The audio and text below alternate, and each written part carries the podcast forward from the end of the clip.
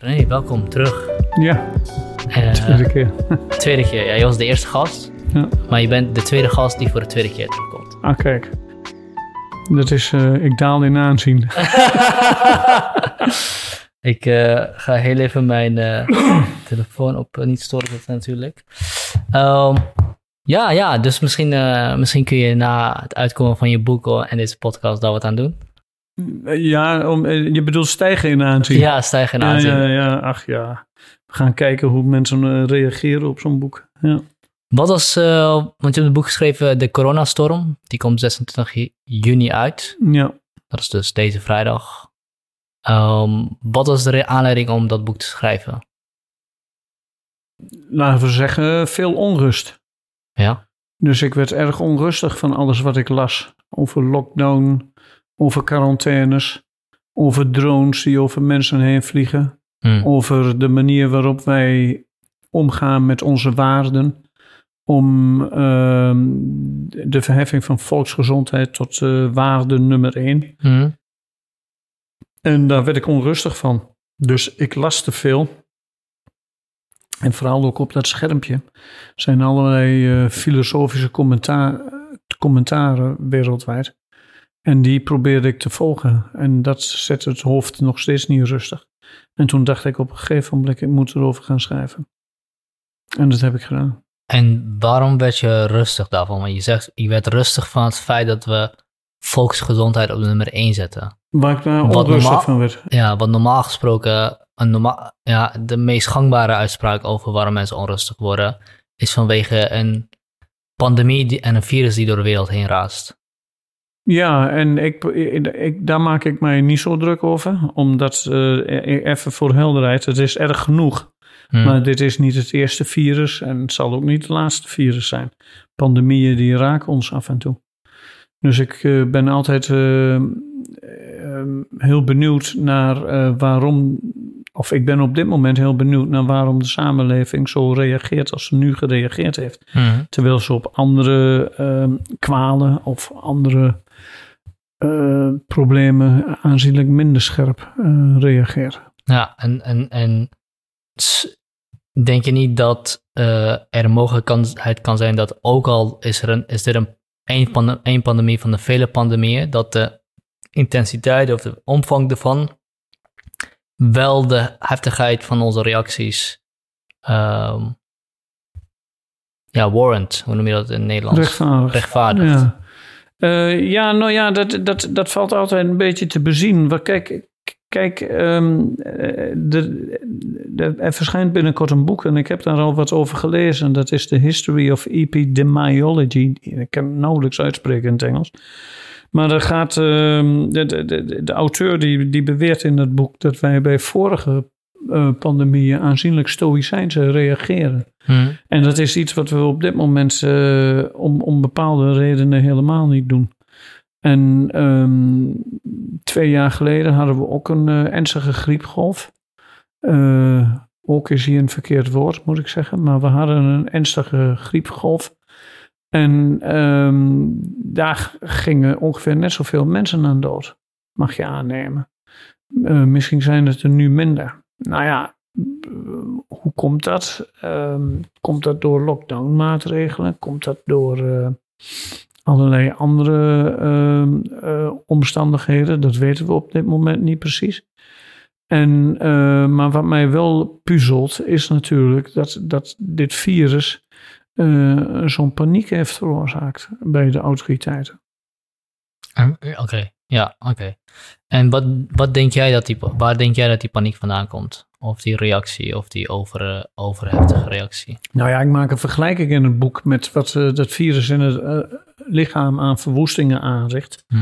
Eh, en, en wat de samenleving doet. Dus, dus je krijgt in het lichaam zelf een, een, een, een overreactie Hm. op, op eh, die virale besmetting. En tegelijkertijd krijg je in de samenleving misschien wel een soort van overreactie op, op, op, op, op deze pandemie. En, en eh, waarvan nog maar te bezien valt of, of de remedie niet erger was dan de kwaal. Maar Mhm. dat kunnen we nu nog niet zeggen. Dus, Nee. dus eh, je, je, je, waar, waar we straks in terechtkomen, is natuurlijk een geweldige legitimatiecircus. Hè, dat al Hmm. helemaal vol eh, aan de gang is. Ja, ja, En ja. dat legitimatiecircus zal eh, vooral op, op gaan over de vraag, ja, de lockdownmaatregelen waren eh, gerechtvaardigd. En anderen zullen zeggen, die waren juist niet gerechtvaardigd. En die ze- wijzen dan op wat dan zo makkelijk de collateral damage genoemd wordt. Ja. Dus ja. Maar, dat, dat, dat, dat, Maar de vraag die ik dan we hierbij heb, als we, als we het nog niet weten, als die legitimatiestrijd nog gevoerd moet worden, zowel in de Tweede Kamer, zowel eh, onder wetenschappers, als waarschijnlijk eh, meer eh, filosofen en sociologen. Hoe kun je dan op dit moment zeggen dat onze reactie te heftig was of niet? Nou, hij is ongekend heftig. Hij is ongekend heftig, En, ja. en, en, eh, is de, die- is de pandemie ook ongekend heftig? Nou, als we kijken naar de geschiedenis van pandemieën, hebben we dit soort zaken wel eens eerder meegemaakt. Hm. Eh, en en, en eh, dan denk ik niet alleen maar aan eh, griepachtige pandemieën of corona-achtige pandemieën. Maar je kunt ook denken aan bijvoorbeeld de AIDS-pandemie. Hm. Die natuurlijk in veel opzichten veel harder en verwoestender heeft toegeslagen. Ehm, waar besmetting ook een bepaald soort rol speelt. En ehm, die, die tot een aanzienlijk rustiger en bedaarder eh, reactie eh, leiden.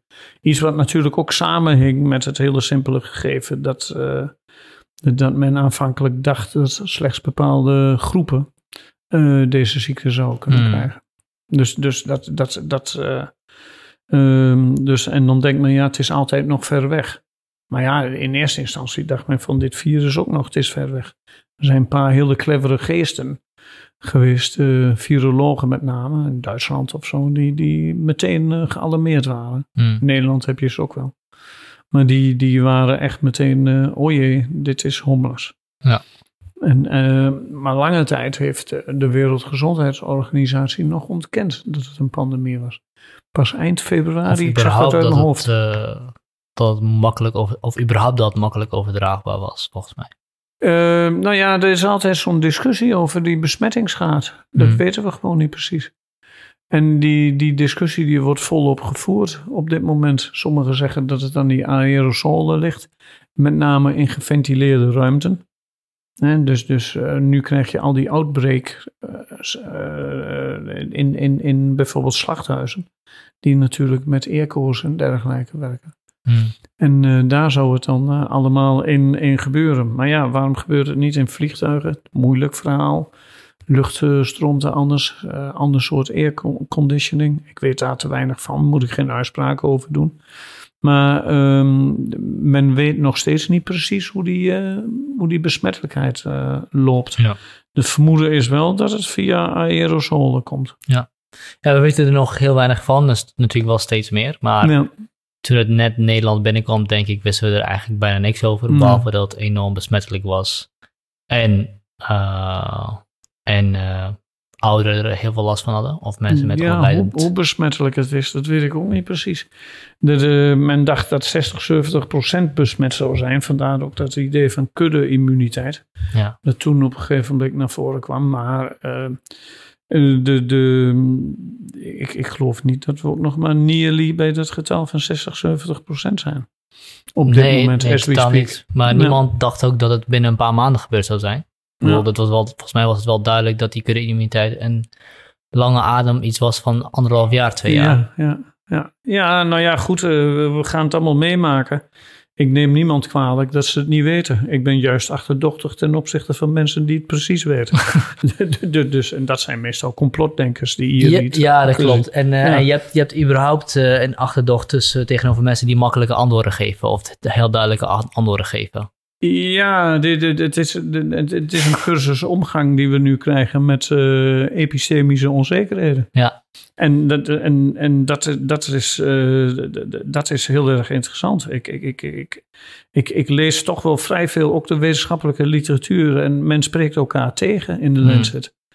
Eh, de, de, de RIVM's van de wereld spreken elkaar ook tegen. Ja. Op het moment dat de Nederlandse RIVM zegt van eh, ja, kinderen zijn nauwelijks besmettelijk voor volwassenen, eh, verschijnt er in Israël een andere studie. Dus het ene land eh, gaat de scholen weer open doen en het andere land sluit de scholen weer.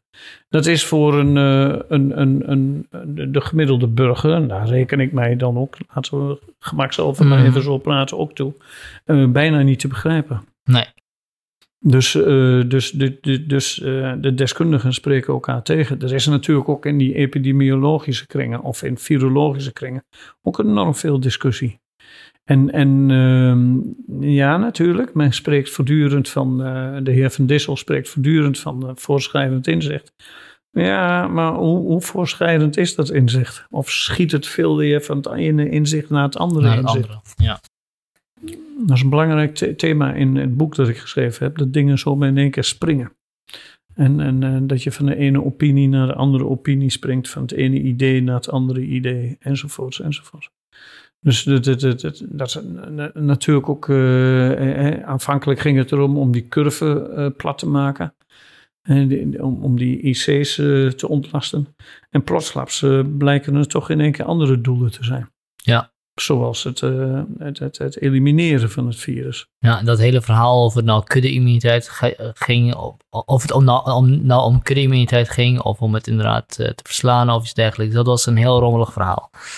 Eh, Ja, Het is volgens mij nog steeds niet helemaal duidelijk wat, wat, het, nou, wat, wat het plan precies is. nee, het is, het is on- on- ja, ik denk dat in heel veel opzichten de, de, de politiek eh, samen met die wetenschap een onduidelijk verhaal laat. Maar dat neem ik de mensen niet kwalijk hoor, want de situatie is onduidelijk. Ja.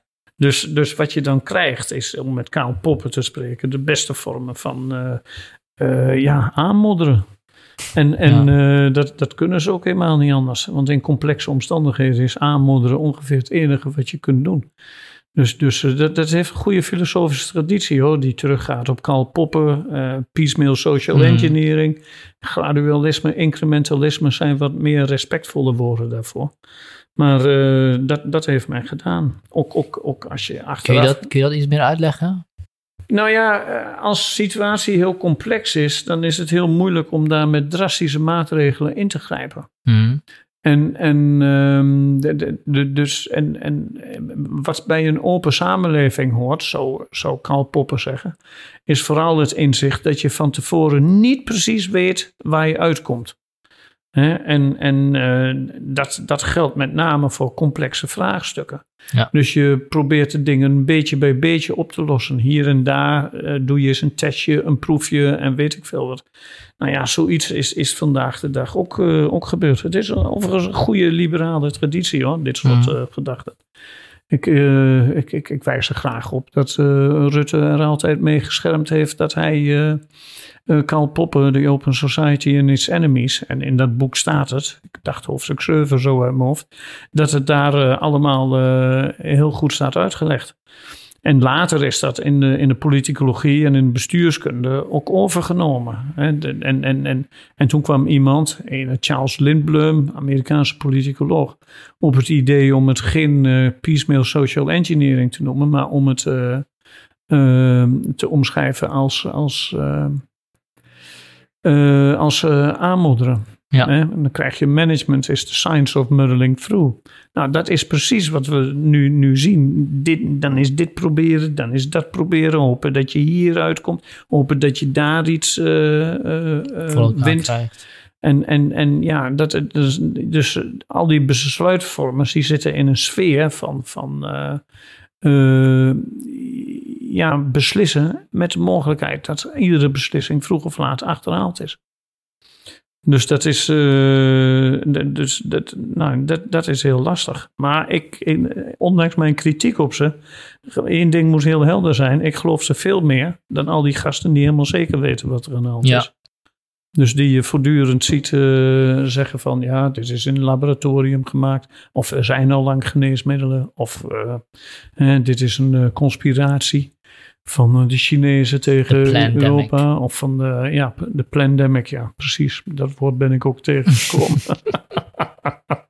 ja, daar, daar, daar ben ik niet zo van. Van Ja. dat soort gedachten. Wat, wat, ik, wat ik een beetje hoor, wat je, wat, je, wat je aan het zeggen bent, is. eh, eh, ik, ik wil niet per se een kritiek op, op het beleid en dergelijke, alhoewel je zegt, nou, het is allemaal minder kant-en-klaar of minder, eh, minder helder en duidelijk als we ons misschien voorgeschreven wordt. Ja. En een soort van pleidooi om te laten zien dat, of duidelijk te maken dat het allemaal on- heel onzeker is en dat we ook ons in een onzekere ruimte of situatie aan het begeven zijn. Ja. Ehm, dat, dat, dat lijkt je een beetje te zeggen, eigenlijk. Van, hé hey jongens, het is allemaal, we weten het allemaal niet zo zeker. Ehm, nou ja, we, we, zitten met die fundamentele onzekerheid. We weten bijvoorbeeld we niet eens zeker of die lockdown-maatregelen echt geholpen hebben. We weten niet zeker of er een vaccin zal komen. We weten niet zeker dat als er een vaccin komt, of het werkt, of het voor iedereen werkt. Ook de huidige testen, die, zijn, eh, die hebben maar een betrouwbaarheidsratio van ongeveer 70%, zo begrijp ik. Uh, dus heel veel dingen weten we gewoon niet. Nou, daarmee omgaan is natuurlijk heel interessant. Mm. Dat, dat, uh, dat, dat, dat, dat, dat, hoe, hoe, wat betekent dat? Kijk, heel veel uh, in, in, in de politicologie of in de bestuurskunde leerde je vroeger altijd dat je rational decision making moest doen. Nou ja, dat rationele probleem oplossen, dat is dus, dus dat is even moeilijk. Mm. Dit zijn de duivelse dilemma's waar de politiek het over had. Ik ben wel heel kritisch op zo, hoor. Dus, Mhm. dus don't worry. Maar dat, dat heeft niks te maken met uh, de gedachte dat ze geen hele heldere boodschap of duidelijke boodschap kunnen, kunnen verwoorden. Dus die, die, die situatie waarin uh, we allen verkeren, die is, die is uh, ingewikkeld. Ja. En is het schrijven van dat boek en uh, van je boek De Coronastorm een poging geweest om om te gaan met die fundamentele onzekerheid?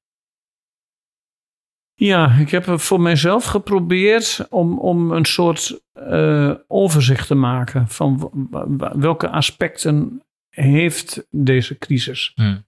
He, en er zijn de politieke aspecten, er zijn de juridische aspecten, er zijn uh, de medische aspecten, er zijn de microbiologische aspecten. He, en er zijn natuurlijk ook uh, de nodige filosofische, ethische, noem maar op aspecten. En daar heb ik dat, dat heb ik allemaal in een soort uh, dictionair uh, gemaakt met 26 lemma's van A tot Z. Dat is ook een oude traditie in, uh, in de filosofie om dat te doen. In Nederland is Cornelis Verhoeven daar wel eens mee bezig geweest. Maar Voltaire is natuurlijk ook een grote naam. Ik ken ook nog wel wat anderen die dat gedaan hebben.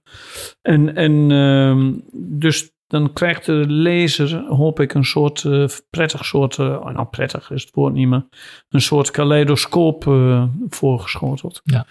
Die hem in staat moet stellen om, om een beetje ja, op een rijtje te zetten wat er in ieder geval aan de hand is vanuit een filosofisch uh, standpunt. Nou ja, en zoals dat dan te doen gebruikelijk is met, uh, met, dictionairs, moet je daar natu natuurlijk ook af en toe de nodige galgenhumor in stoppen. Moet je, mag je ook iemand wel eens heftig op de korrel nemen? Moet je provoceren?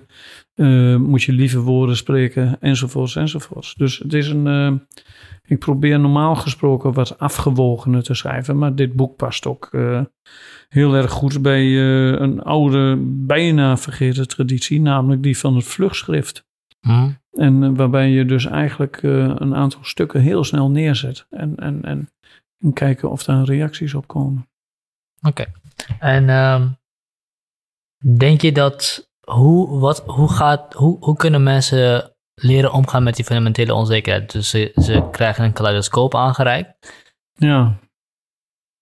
Nou ja, ik, het is niet alleen maar zo'n kaleidoscoop, maar het is, het, het, het is ook. Uh, uh, ik heb, er zit natuurlijk een inleiding en een, na, nawoord bij, waarin ik wel wat dingen die ik zelf heel belangrijk vind naar voren haal.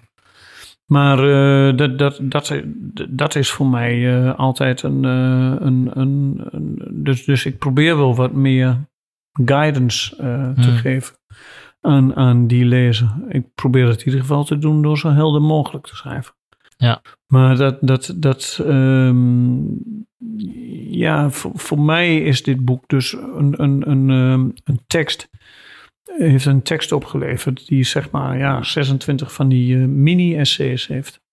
Dus uh, ja. ja, en dat is wel grappig. Oh, ik word hier in mijn hand gebeten. Ja, moet je niet toestaan. Nee. Um, en Even, even een totaal andere vraag dan. Even Ja. een totaal andere vraag, want terugkomen, hier, hier dacht ik eerder ook al aan. Ehm, een van de verwijten die we, eh, die we gehoord hebben helemaal aan het begin, toen we net hierin kwamen, was eh, opeens is iedereen viroloog.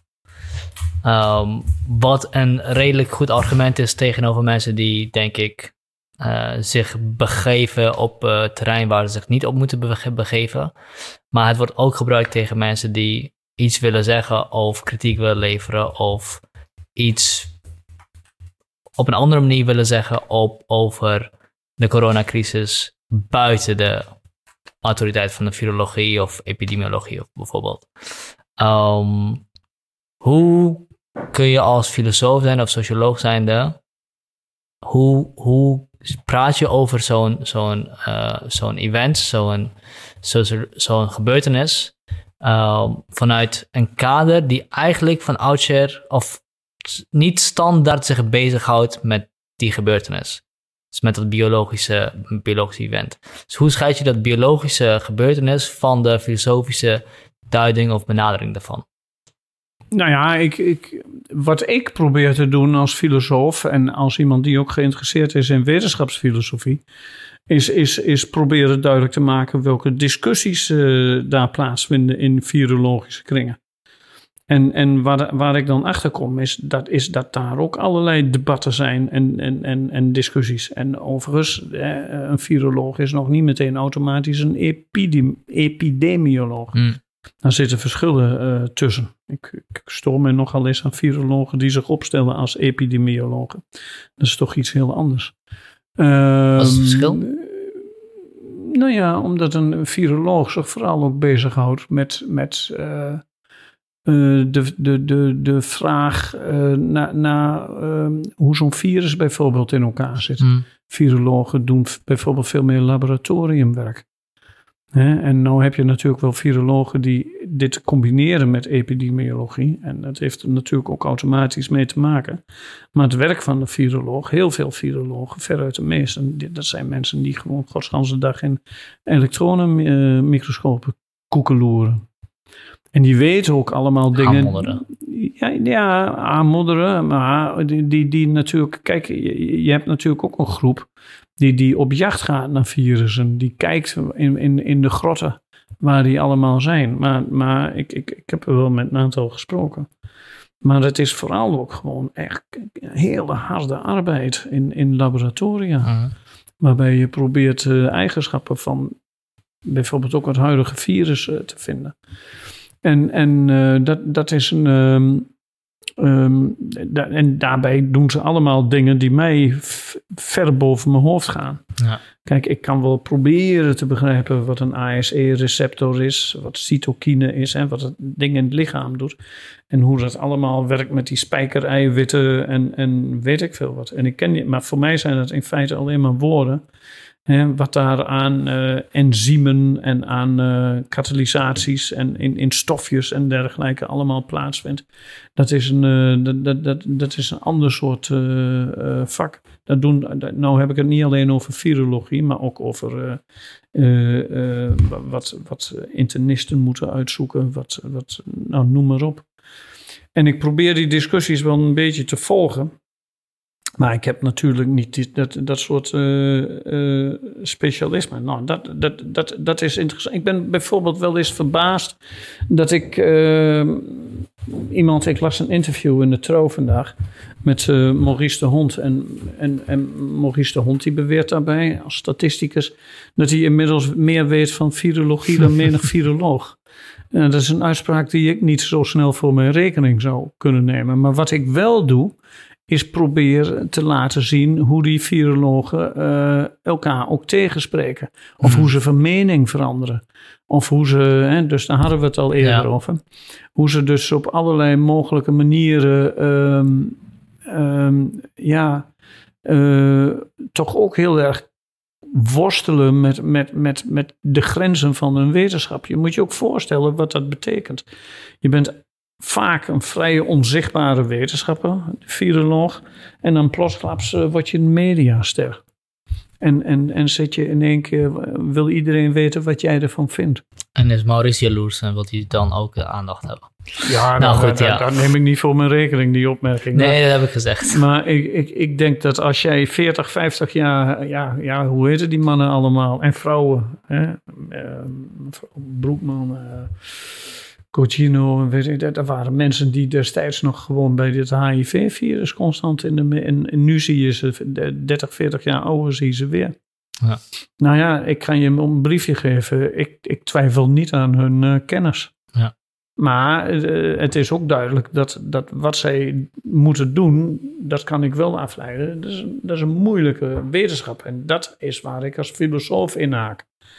Hè? Dus, dus, dus uh, want heel veel van die wetenschappen die we tegenwoordig hebben, en dan, dat, dat, dat, dat handelt niet in uh, onverwoestbare zekerheden. Hmm. Heel veel wetenschappen die, die, die, die, die, die handelen in waarschijnlijkheden. Hè? En, en die opkomst van de waarschijnlijkheid is echt een heel groot thema vandaag de dag. Dus dat, dat is iets wat mij, uh, um, um, wat mij dan interesseert. Ja, overigens ook zel, heel zelfbewust, toch? Ja. En uh, dat is denk ik ook een van de redenen wat, wat een van de nuances die verloren gaat in wetenschapsjournalisme. Dat ontdekkingen vaker te maken hebben met waarschijnlijkheden of, uh, nou, ik denk dat goede wetenschapsjournalisten, uh, je hebt er wel een aantal in Nederland. Hè, denk aan Maarten Keulemans van de Volkskrant of zo. Hmm. Dat zijn mensen die geen shit beweren. Hè, of Golven Schillings, maar die heeft het dan over astronomie. zijn maar wat namen die me nu te binnen schieten. Maar dat zijn, uh, dat zijn mensen die echt wel wat weten. Ja.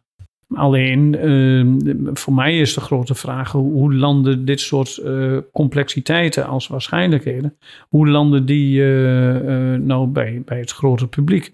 Of je zou ook de vraag kunnen stellen: wat mag, wat, wat, zou. Um, ja, wat, wat, wat, wat, wat zou de journalistiek hier kunnen doen om iets van die complexiteit over te dragen? Dus, dus uh, want het is, het is, toch altijd al heel snel uh, keep it straight and simple. Mm. En uh, ja, dat, dat, dat, dat is nu helemaal niet zo. Wat dat betreft ben ik wel van mening dat, dat, dat die boodschap wel goed naar voren is gebracht. Maar niet min oude mensen vast aan keep it straight and simple. Ja, en, en Misschien is het ook wel inherent aan wanneer er complexe boodschappen naar buiten gebracht worden, dat er uh, mensen, mensen de, dat gat vullen van duidelijkheid. Ja. Uh, en dat, dat, dat, dat misschien altijd met elkaar samenhangt. Als je complexe verhalen vertelt, dat er, dat er mensen zijn die het gaan versimpelen en wel een duidelijk antwoord gaan leveren. Ja, dat is ook zo. Kijk, ik heb er natuurlijk al vaker op gewezen dat als het om het RIVM gaat, dat, dat het wanneer het om milieu, dus om de M van de RIVM gaat, uh, die verhalen doorgaans niet geloofd worden of ter discussie worden gesteld of de methodologie uh, betwijfeld. En uh, als het om volksgezondheid gaat, zie je precies het omgekeerde. Mm. Namelijk, dan, dan geloven we ze wel. Dus het is uitermate interessant om ook, ook, ook als filosoof daarover na te denken. Wanneer krijgt een wetenschap nou wel een bepaalde geloofwaardigheid en wanneer niet? Hoe komt het nou dat nu het om onze volksgezondheid gaat, bij ons oor te luisteren leggen bij de wetenschappelijke expert, terwijl als het om bijvoorbeeld klimaatopwarming gaat, wij daar met veel meer sceptisch op reageren? Ja. En dat, dat, um, hè, dat, dat, dat, dat zijn, dit zijn de vragen die ik heb naar aanleiding van wat er nu gebeurt. En, en, um, en dit zijn ook, um, ja, dit, dit, volgens mij heeft dat iets te maken met, met, met, met uh, de, de, de gedachte dat, dat M-vraagstukken, dus die met milieu uh, te maken hebben, dat dat soort uh, vraagstukken vaak wat abstracter zijn dan vraagstukken die met volksgezondheid te maken hebben. Want die raken jou of jouw geliefden ja. onmiddellijk. Nou ja, ja, de uitkomst van dit, dit vraagstuk is heel duidelijk, namelijk ophopende lijken. En het vraagstuk van, van milieu is inderdaad een stuk abstracter, namelijk een of andere opwarming of natuurramp ergens in de toekomst in 2050. Ja, maar ook opkomende lijken. Ik bedoel, in Nederland, dit zijn cijfers uh, van CBS, sterven jaarlijks 21.000 mensen. Daar zitten wij nog lang niet aan met betrekking hmm. tot COVID. Uh, aan uh, de verspreiding van fijnstof. Nou, waarom levert dat geen urgentie op en, en, en dit virus wel? Zit daar misschien toch ook de gedachte achter dat je dat virus kunt beheersen, maar dat je het autoverkeer niet kunt aanpakken? Ehm, eh, zit daar ook de gedachte aan dat je het virus kunt beheersen, maar het stikstofprobleem niet kunt aanpakken? Dus het is nu al lang duidelijk dat deze ziekte ook die relatie heeft met, met milieufactoren. dus dus eh, gebieden met veel luchtverontreiniging zijn doorgaans gebieden die, eh, ehm, waar, waar je meer mensen hebt uh, die, die aan, het, aan COVID bezwijken dan in gebieden waar dat niet het geval is. En is dat omdat het virus daar gedijt of omdat er meer mensen zijn met onderliggend lijden? Uh, of weten we het niet? Ja, nou, ik denk dat het tweede uh, zeker het geval is. Uh, als jij constant in verontreinigde lucht leeft, dan zijn jouw longen bijvoorbeeld of andere delen van je lichaam al meer geaffecteerd. Ja. En als dat zo is, dan, uh, dan, dan heeft een virus makkelijker vrij spel. Ja. En dat is volgens mij ook iets wat je, wat je, wat je eigenlijk constant uh, of waar mensen zich langzamerhand steeds meer bewust van worden, namelijk dat deze ziekte dus ook een, uh, een, een, een ecologische of een milieuaspect heeft. En, en, en dat deze ziekte, en dit is veruit de meest waarschijnlijke hypothese, uh, tot stand is gekomen via die zogenaamde wet markets. Dat zijn dus markten waar levende ja. waar wordt verhandeld. En, en dus allerlei beesten die geslacht worden of niet en weet ik veel wat. Dat, dat, ja, dat is ook zo'n milieukwestie. En, en uh, dus de vraag naar onze omgang met dieren is een vraag die levensgroot door dat uh, uh, coronavirus gesteld wordt. Wederom. Dus het is niet het eerste coronavirus. En uit, uit, uit die corona-achtigen en uh, stevast uh, zijn het zoonotische aandoeningen. Ja, ja. Dus, dus waarom, waarom hebben we zo weinig aandacht voor de milieuvraagstukken waar dit virus een onderdeel van is? Ja, een van de verklaringen die ik daarvoor beschrijf in het boek is dat, dat, dat het ook komt omdat uh, mensen kuur altijd makkelijker vinden dan preventie. Makkelijker om te begrijpen. Jij gaat naar de dokter en jij hebt een kwaal en jij zegt: Dokter, ik wil een pil en help mij van die kwaal af. Maar als de dokter vervolgens gaat zeggen: Shahoed, het is misschien wel beter voor jou. Uh, het is misschien beter voor jou als jij stopt met roken. Dus dat je iets aan je levensstijl doet, in termen van preventie is dat dan, dan Uh, uh, dat willen ze niet. Dus het, het, het, het hele punt hier is dat, dat de. de um, uh, het, het, het, het, het punt dat je hier hebt, is, is dat, dat wij bij preventie altijd denken van ja, dat, dat kan nog wel even wachten. Het zal wel. Dat zal wel. Of uh, dat doen we straks wel. Ja. En we kunnen altijd uh, op, op de een of andere manier uh, ja, al onze slechte gewoontes, en die, die, die, kunnen we, die kunnen we nog wel even prolongeren. Hè, voordat we echt de prijs ervoor betalen. Ja. En, en uh, de, de, dus. dus de, de, ik kan wel dus, nog een chocoladereep pakken. Ik kan wel een chocoladereep pakken. Hier heb je een man die dat altijd gedacht heeft. Ik kan altijd nog op dieet. Dus, dus, dus dat, dat is het probleem. En, en uh, bij heel veel slechte eigenschappen doen we dat voortdurend. En, en, uh, en uh, komt tijd, komt raad. je moet vooral niet in paniek raken. Enzovoorts, enzovoorts. Dus dat, dat, dat, de reden, zegt Hans Bloemenberg, die Duitse filosoof die ik dan veel lees, is een soort orgaan dat, dat ons voortdurend in slaap zust. Hmm. En denkt van, ja, we hebben nog tijd. Je moet vooral niet in paniek raken. En dat is natuurlijk een hele interessante gedachte. Nou, is het, is het de reden of is het, is, of is de reden niet goed genoeg? Want het is de reden of de rationele overweging dat je beter kan stoppen met de chocoladereep, ook al is er niet iets dreigends aan de hand. Ja, dat is heel interessant om die vraag te stellen. Ik, ik denk dat het de reden alleen maar optimaal functioneert als er een klein tonicum aan uh, panisch bewustzijn bij komt. Maar dat panische bewustzijn is nou precies dat wat de reden zoveel mogelijk probeert uit te schakelen. Mm, Oké, okay, ik ja. snap hem. Sloterdijk die dat ooit eens zei hè, in een boek dat heet Eurotaïsme. Hè. Paniek is misschien wel de enige adequate bewustzijnsmodus van onze tijd. Hij schreef dat in tijden van Chernobyl trouwens. Ja. Dus dat, dat, dat, dat is een al vrij oud boek, maar dat is toch een interessante gedachte. En, en, uh, maar op het moment dat ik ergens. Uh... Nou, wacht, lekker even dan een vraag aan stellen. Uh, ben je nu, ben je nu, of is deze, is dit niet rationeel denken aan het gelijkstellen met verstandig en gemoedelijk en nuchter denken? Ja, maar, maar af en toe heb je. Ik denk dat je af en toe ook een beetje. Um, dat, dat je een, een kleine injectie paniek, dat dat niet zo verkeerd is. En dat je dat nodig hebt. Ik, ik kom veel te veel mensen tegen die, uh, die, die, die, die, die denken dat, nou ja, een van de grootste problemen, ik heb er een heel boek over geschreven, biodiversiteitsverlies.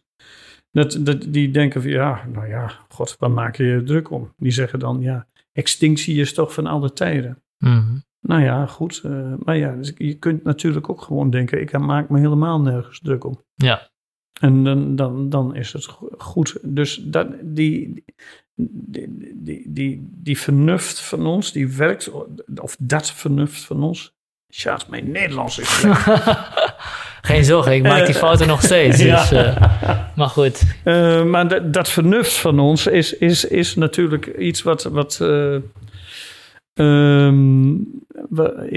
Is natuurlijk iets wat, wat denkt van, nou, laten we eerst alles eens analyseren, netjes op een rijtje zetten en weet ik veel wat. En voordat je het weet, weer een paar jaar verder. Ja. Nee, ik snap wel, ik snap wel wat voor soort manier je bedoelt. Eh, je zou het misschien kunnen vergelijken met Schopenhauer, die zegt dat uh, de enige persoon die zijn reden echt kan gebruiken is de genie. De andere mensen gebruiken de reden alleen maar om hun eigen gedachten of ideeën of vooroordelen te bevestigen. Ja. Dus ze gebruiken het eigenlijk als een uh, zaklamp om te zien wat ze willen zien. En, ja. en, alleen de, dus in die zin kan ik, kan ik dat begrijpen. Maar wat je beschrijft, dat mensen niet in paniek raken ja. als ze de juiste informatie hebben. Dus ration, wat, wat dan in dit geval rationeel zou zijn, zou ik meer plaatsen bij, bij een soort van comfort. En, dan, en, en, en ja, en die reden stapt dan in inderdaad om dat comfort te, te bevestigen of te rechtvaardigen. Of vanuit dat comfort te denken en te denken, hoezo, ik voel, ik voel eigenlijk helemaal geen, geen paniek. Ja, daar ben ik het wel mee eens. Ja, ja. ja ik, ik denk dat dat uh, ook, ook zo is. Kijk, kijk dat, dat is die houding van er, er speelt van alles. En, en, uh, maar het zal mij niet raken. Of, of uh, het zal mijn tijd wel duren. Ja. En de, dus vandaar ook die leuke definitie uh, die, die, die Bloemenberg dan geeft van uh, de mens is het dier dat het denkt dat het nog altijd tijd heeft. Mm. En, en uh, ook al heeft het die tijd niet, voegt, voegde hij dan vervolgens wel veel betekenend aan toe. Mm. En dat doet hij in een boek dat helemaal gewijd is aan de antropologie van, van de mens. Daar speelt die redelijkheid een hele grote rol. En juist door die redelijkheid is het al dus uh, Bloemenberg zo moeilijk om in termen van, uh, uh, van, van um, preventie te denken. Ja, ja begrijp. Um, je schrijft ook in het artikel in de Trouw, of niet jij, er wordt gezegd dat jij het zegt. Henk Steenhuis. Henk Steenhuis, um, dat in deze coronatijd er fascisme heerst zonder dat er fascisten zijn. Ja, ja, dat is een idee uh, van Bifo, dat is een Italiaanse filosoof. Berardi heet hij, Franco Berardi. Die uh, dat uh, een tijd geleden ooit eens schreef dat er een soort sluimerend fascisme is. Waarbij eigenlijk niemand fascist is. Hij spreekt ook wel eens van een soort gedeprimeerd fascisme.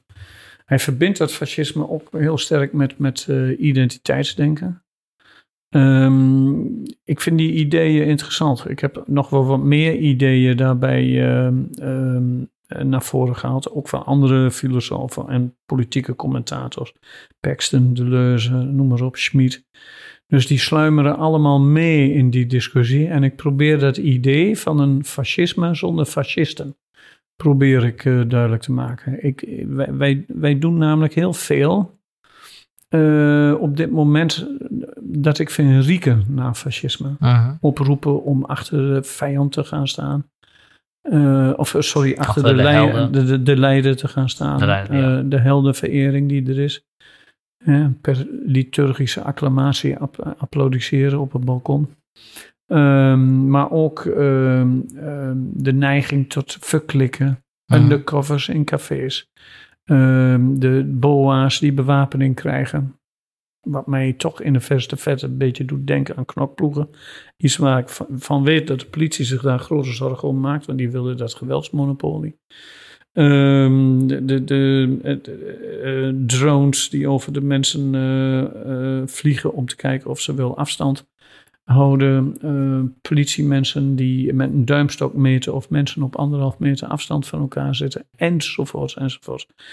En dan doe je een hele hoop dingen die je eigenlijk niet wil doen.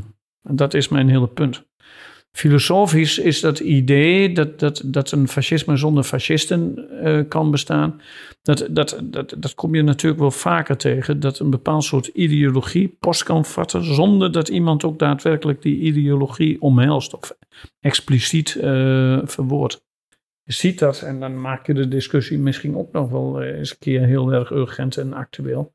Bijvoorbeeld ook met die discussie rondom Zwarte Piet. Mhm. Het is natuurlijk voor iedereen die een beetje nadenkt, is dat een uitermate racistische eh, traditie.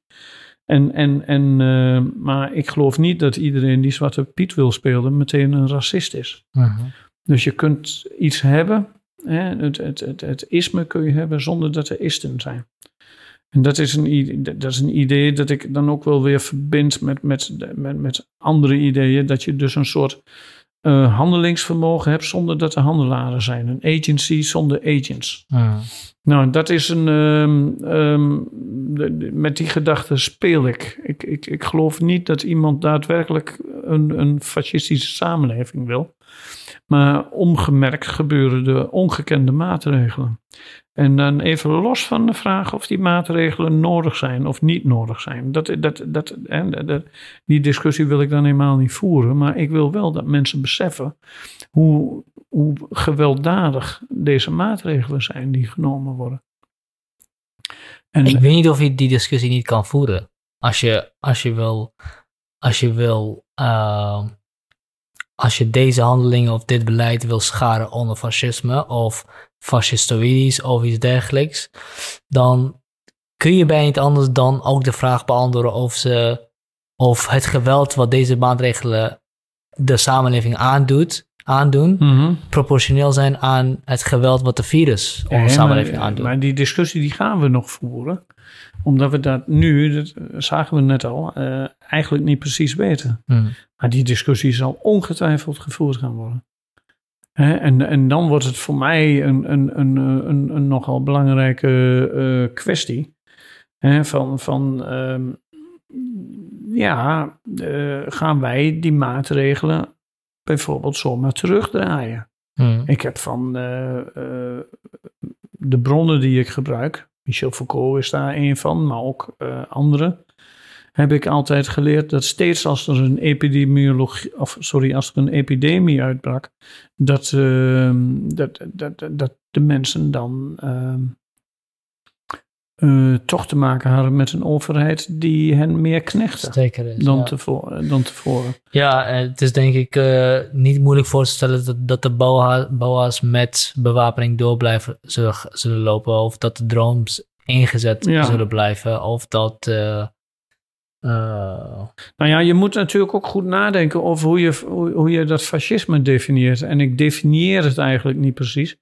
Maar ik noem, een, ik, ik noem het een syndroom van verschillende gemoedstoestanden. De, de, de- in dat virus zit een demoediging. Wat, wat, wat, en, en demoediging wordt vaak gezien als een aspect van fascisme in de literatuur. Bij Paxton kom je dat tegen. En mensen die zich gekleineerd voelen. Dat zie je nu ook. Hè? Hoe kan het dat zo'n klein dingetje, dat we dat niet onder controle krijgen? Wij zijn in oorlog met het virus. Hè, zegt Macron. En na hem hebben vele anderen dat gezegd. Iedereen denkt kennelijk in die politiek dat ze in oorlog zijn met het virus. Wij gebruiken ook die oorlogsretoriek. We spreken bijvoorbeeld van COVID-slachtoffers. In de victimologie spreekt je niet van slachtoffers. of eh, sorry, ik zeg het verkeerd. In de victimologie zijn, uh, uh, veroorzaakt een ziekte geen slachtoffers. dat is een oorlog, moord, rampen veroorzaken slachtoffers. En dit is een ziekte. En, en men spreekt van collateral damage. Men spreekt Um, de, de, dus dat, dat idee dat wij in een oorlog zijn, of ook meteen die totale paniek, dat, dat, dat die uitbrak, dat dit de grootste crisis is sinds, uh, sinds, sinds 1945.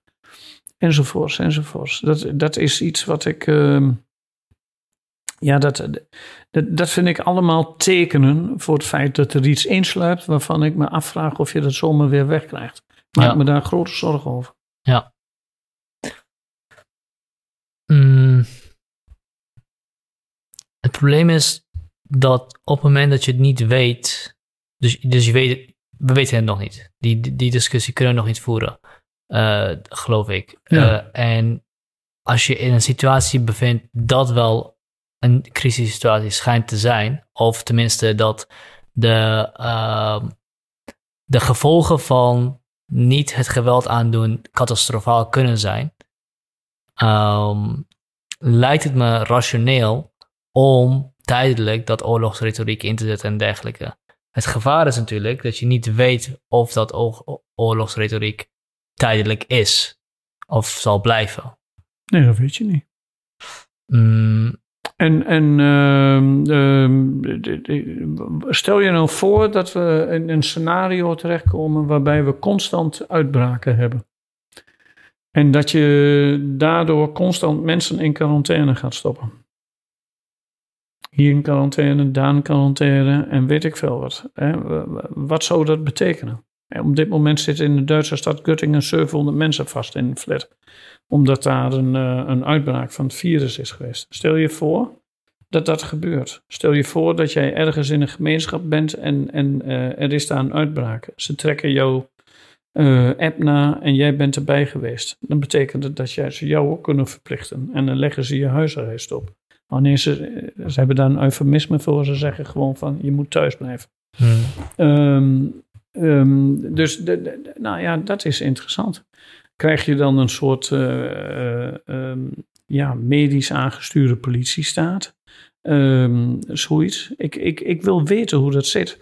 Ik ben ook heel erg uh, geïnteresseerd in bijvoorbeeld de hele juridische fundamenten van wat allemaal gebeurt. Nou, die discussie, het heeft even geduurd voordat die loskwam, maar die begint nu helemaal los te komen. Ja, de vraag is überhaupt of die, of die 1 meter, 1,5 meter regel überhaupt grondwettelijk mogelijk is. Ja, natuurlijk. Je hebt namelijk gewoon een uh, recht op uh, bijeenkomst.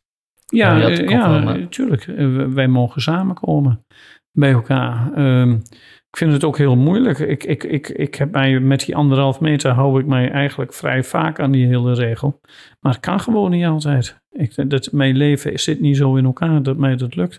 Er zijn zeven kinderen, hebben mijn vrouw en ik samen. En, en, en, nee, maar misschien moet jouw leven wel veranderen. Ja, ja hoe? Nou, dat weet ik niet, maar... Maar, ja, maar ik kan die kinderen toch niet zeggen van... we blijven op uh, anderhalf meter afstand van elkaar. Weet ik niet.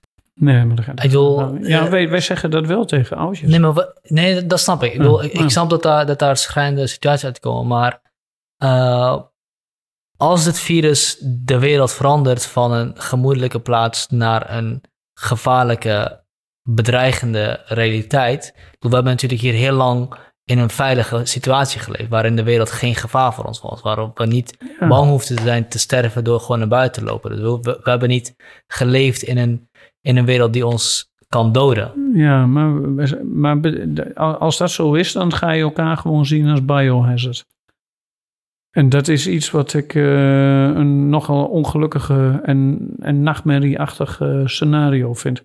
Ik geloof ook niet dat dat zo is. Kijk, als er echt iets komt dat, dat, heel, dat net zo besmettelijk is als dit, uh, of nog besmettelijker, en met bijvoorbeeld een mortaliteit à la ebola, ja ja, dan worden dit soort maatregelen misschien te, uh, te legitimeren. Maar dat is nou juist heel het punt. Dat, dat legitimatiecircus gaat nou beginnen.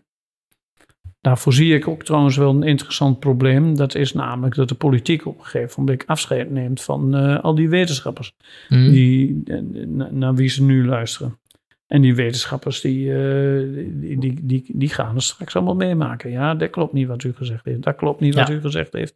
Wat wordt hun juridische grondslag? Het zou niet de eerste keer zijn dat wetenschappers, dat is nog zo'n zorgenpost, dat wetenschappers in de baaiers verdwijnen. Het is in Italië gebeurd, het is in Taiwan gebeurd, het is in de Verenigde Staten gebeurd. Bijvoorbeeld omdat ze verkeerde voorspellingen hadden gedaan. Hmm. In zaken de ernst van een aardbeving, Italië, onder Berlusconi. Dus het is eh, Ja, interessante dingen. ja, ja, de politie, de politie staat niet per se ver weg. Ja. Nee, kijk, ik begrijp natuurlijk heel goed dat, eh, dat je niet kan leven in een wereld waarin je kinderen niet kan knuffelen. Of tenminste niet kan leven. Dat dat, ge- dat, dat Ja. niet, niet een, niet een begerenswaardige wereld is om in te leven. Ja. Eh, zeker niet als dat opgedragen wordt door de staat. En ook nog eens gecontroleerd door de staat, door drones en dergelijke. Of je wel genoeg afstand houdt van je kinderen. Uh, vraag is of we daarheen gaan. Uh, maar de vraag is ook. Uh, kijk, drie maanden in zo'n wereld leven is uit te houden. Vier maanden in zo'n wereld leven is uit te houden. Maar als dat een realiteit wordt van onhoudbare lengte, ja, dan inderdaad Ja. moeten we gaan nadenken. hey, weet je, uh, moeten we inderdaad ons leven of de volksgezondheid als het ware bovenaan zetten? Zijn er al niet Ja. andere dingen belangrijk? Maar ik zie de ernst niet in van dat dat tijdelijk het geval is. Even losgelaten van de vraag of, dat, of hoe we weten of het tijdelijk is of niet. Ja, maar dat is wel precies de vraag.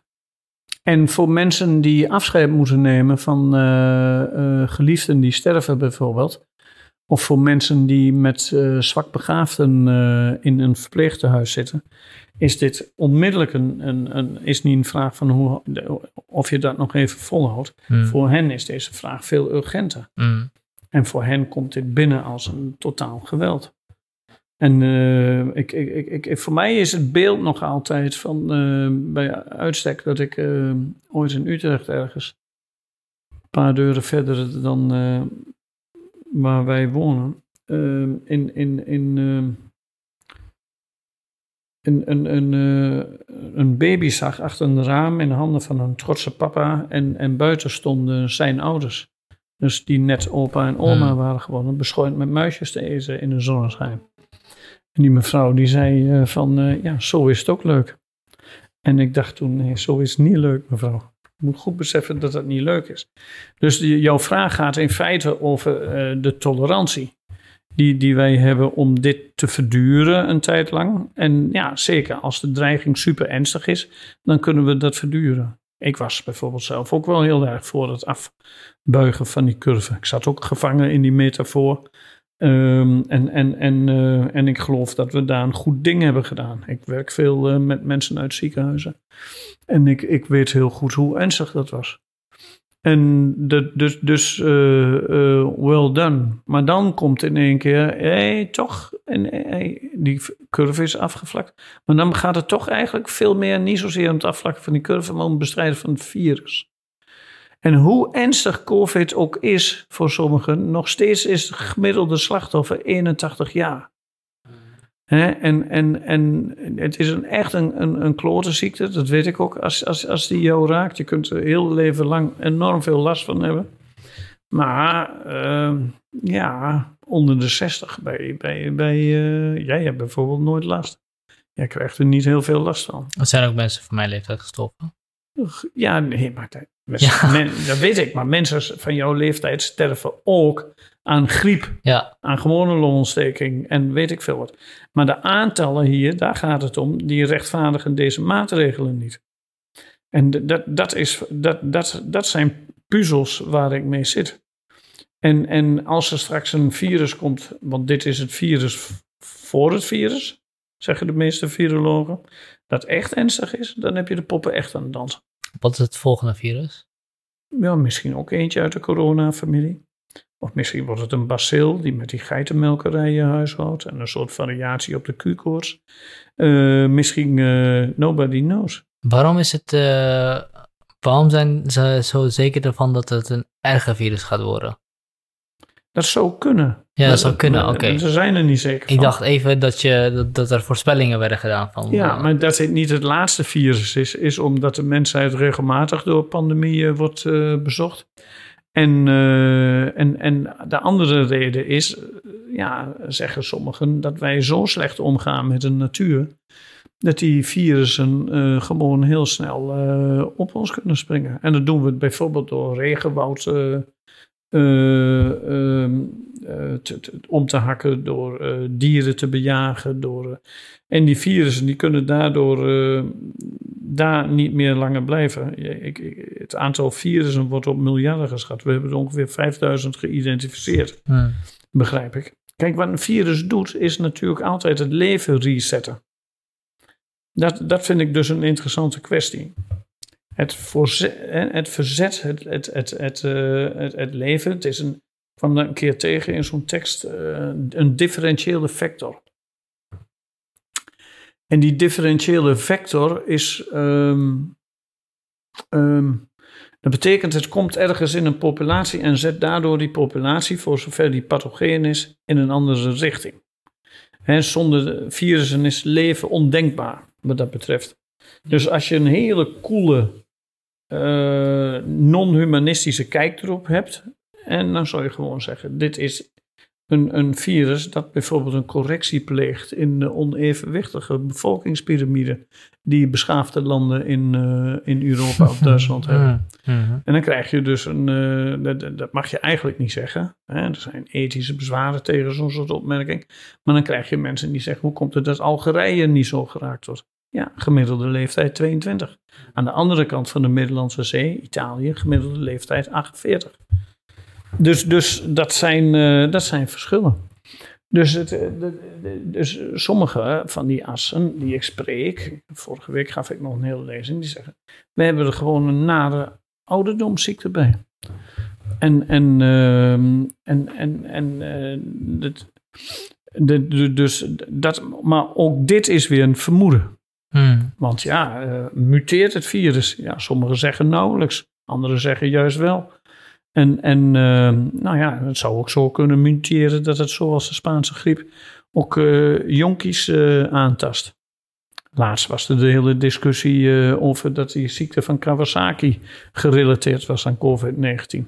Dat is een ziekte die trouwens verstomd is.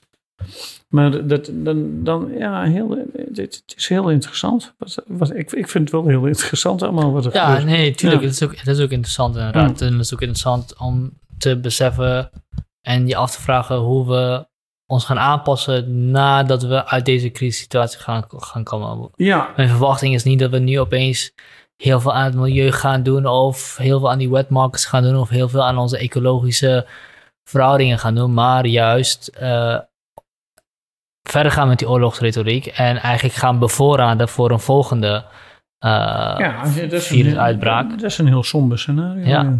Maar ik, ik, zie ik zie niet gebeuren dat, dat Mark Rutte over de wereld gaat reizen om eh, die belangen te gaan behartigen. Maar zich gaat concentreren op wat ze kunnen doen op een eventueel vol- volgende uitbraak. Nou ja, dat, dat, je, je, je moet wereldwijd wat activiteiten ondernemen. Dus, dus eh, stoppen met kappen van regenwoud, wordt vaak gezegd. Eh, sommige van die dieren die, die, die, die genoemd veel verhandeld worden op die wetmakers, nou, die moet je gewoon niet meer verhandelen. Misschien moet je ophouden met het eh, houden van geitenmelkerijen en varkensstallen, waar duizenden van die beesten zitten. Maar de, de- en, dat onder, onder uitermate pathogene omstandigheden. Misschien, maar ja, ik, ik, gisteren las ik weer dat, dat, dat Nederland ruimere eh, mesttolerantie krijgt van de Europese Unie, omdat het gras hier zo groen zou zijn. Dan maak ik het heel simpel, maar eh, het komt erop neer dat wij, eh, dat, dat onze boeren nog steeds heel veel mest over, de, over het land mogen uitgooien. Mm.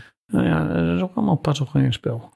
Ja. En dat is, ehm, de, de, de, dus die, die, die- dat, dat, dat is een, een, een lastige, ja, hele lastige toestand. Dus, Ja, de, überhaupt zijn epidemieën pas opgekomen wa- wanneer we van jagers-verzamelaars overgestapt zijn naar een agrarische levensstijl. Uh, dan gaan we met dieren aan de slag. Dan hebben we constant contact met dieren, verschillende soorten dieren, intensief contact. Ja, jongen, die, die, ja, Sjaat, die, die boeren, dat is... Uh... Durven we niet over te beginnen. het zijn zulke aardige mensen, maar heel vaak. Maar, ja. dat, maar dat, ja, ze zijn met dingen bezig. Uh, niet alle boeren. Er is heel veel differentie tussen boeren. Maar, uh, ja. maar, maar ja, er gebeuren wel maffe dingen. En, en uh, ja, alle cijfers van die wetenschap, Stockholm Resilience Center en noem maar op, wijzen er toch op dat de agricultuur een groot probleem is. Jared Diamond, de bekende sociaal geograaf, hele beroemde schrijver, die zei ooit eens dat uh, agricultuur een misverstand is. Die de mensheid, uh, of dat de mensheid zich geen twee keer kan veroorloven. Ja. Dus dat is een interessante gedachte. En begon allemaal in Mesopotamië. Ja, onze, onze fout, excuses. nee. um, ja, ik denk, ik, denk dat, ja, ik denk dat we hiermee ook echt een andere discussie openen die natuurlijk ook super interessant is om te voeren. Uh, want hoe gaan we 7 miljard mensen en steeds groeiend uh, voeden zonder intensieve landbouw? Eén. Twee, uh, moeten we überhaupt 7 miljard mensen op aarde hebben? Is dat überhaupt wenselijk? En drie, hoe kun je in godsnaam zo'n vraag stellen zonder een, een onethische, ja, zonder een, koude, koude robot te zijn, laat ik zo zeggen. Ja, nee, maar dat, ja, 7,7 miljard hebben we er nu. En ja, je hebt natuurlijk van die antinatalisten die zeggen, uh, ja, verwelkom zo'n epidemie, maar het is gewoon goed dat er een kleine kaalslag plaatsvindt. Maar dat, kijk, het hele punt is natuurlijk dat die kaalslag, en, en daar kom je met de legitimatiekwestie, mm. dat die kaalslag helemaal niet zo groot is. Veruit de meeste mensen overleven dit. Nee, dat, dat vergeten we. Je hebt die, die, die counter van die Johns uh, Hopkins Universiteit. Hmm. En die het allemaal precies bijhoudt. Ik geloof dat nu op, op, op 450.000 doden staat, as we speak. Ik weet het niet. Ik heb een paar weken niet meer naar gekeken. Maar tijdens, toen ik het boek schreef nog wel. Toen was het steeds 350 of zo. Ja. Maar je hebt ook van die counters die bijvoorbeeld uh, doden als gevolg van honger of aan honger gerelateerde ziektes uh, tellen. En die, die teller gaat gewoon tien keer zo hard. Hmm. En dat raakt ons niet. De, de, de, dat nee, zijn de dingen dat die raakt ons letterlijk niet. Ja, dat, ja, letterlijk niet, maar ook Ja. figuurlijk niet. Niemand heeft het daarover. Iedereen stopt dat gewoon weg en zegt van ja, zo is het gewoon. Hmm. Hmm. En dat, dat, dat zijn voor mij, eh, ja, dat, dat- ja dus, dus, dus dat volgens de CBS in Nederland heel veel meer mensen doodgaan aan kanker of aan eh, diabetes of aan de gevolgen van nicotine dan aan de gevolgen van COVID. Blijft een, eh, een vreemd verhaal. Ja. Maar, maar het, gevo- het, het, het punt daarvan is ook, dat zijn geen eh, overdraagbare ziekten. Dat zijn geen ziekten die, eh, eh, die ons zorgstelsel overbelasten op de manier zoals het eruit ziet. COVID is iets wat uit het niets ontstaat, Ja. on- is ontstaan en dreigt ook ons te overbelasten. Ja, maar Dus, dus, dus, ik ben, ik ben, ja, dus ik denk dat deze vraag wel gesteld moet gaan worden op een gegeven moment. Maar ik denk niet dat deze vraag. Het hangt er vanaf hoe jij kijkt naar besmettelijkheid. ik denk dat eh, roken Nou, bijvoorbeeld... Nee, nee, maar ik denk dat roken hartstikke besmettelijk is. Ik, ik, ik, ik bedoel, eh, als, als, als, als eh, jij vrienden hebt die roken, Hm. dan ga je al snel mee roken. Ja. En dan is het heel moeilijk om daar vanaf te komen. Het, eh, ja, natuurlijk, er zit bij roken niet een, niet een soort van eh, eh, eh, microbe of, of een, een, een entiteit waarvan we niet eens weten of het leeft of niet. Hm. Maar er zit bij roken wel een ander soort aanstekelijkheid. Hè? Niet alleen steek je die sigaret aan, maar je... Nee, maar de besmettelijkheid van roken dreigt niet binnen drie maanden een overbelasting op de IC's te veroorzaken. Nee, dat klopt. Ja, ja maar die, over die overbelasting op die IC's, daar is het laatste woord ook nog niet over gesproken. Maar waarom zijn de IC's in Duitsland niet overbelast? Omdat ze daar een heel ander voorraadbeheer hebben gevoerd. En, en eh, want daar gaan de discussies ook over. Daar wijd ik ook een item aan. Just-in-time management heet dat. Hm. Hè, eh, wij, wij hebben de laatste jaren systematisch bezuinigd op eh, bedden die leeg staan. Ook op de IC's. Want als die bedden daar leeg staan, kosten ze heel veel geld. En daar is twee jaar geleden bij die griepepidemie is daar al voor gewaarschuwd.